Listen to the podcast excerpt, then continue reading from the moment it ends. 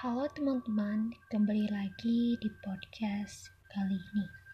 Podcast live, aku akan dedikasikan podcast ini untuk kalian yang sedang boring dan ingin mendengarkan sedikit cita-cita yang seru. Tentunya hanya di podcast live. Untuk kalian yang baru mampir, semoga saja kalian nyaman dengan podcast yang akan aku buat see you next di podcast berikutnya.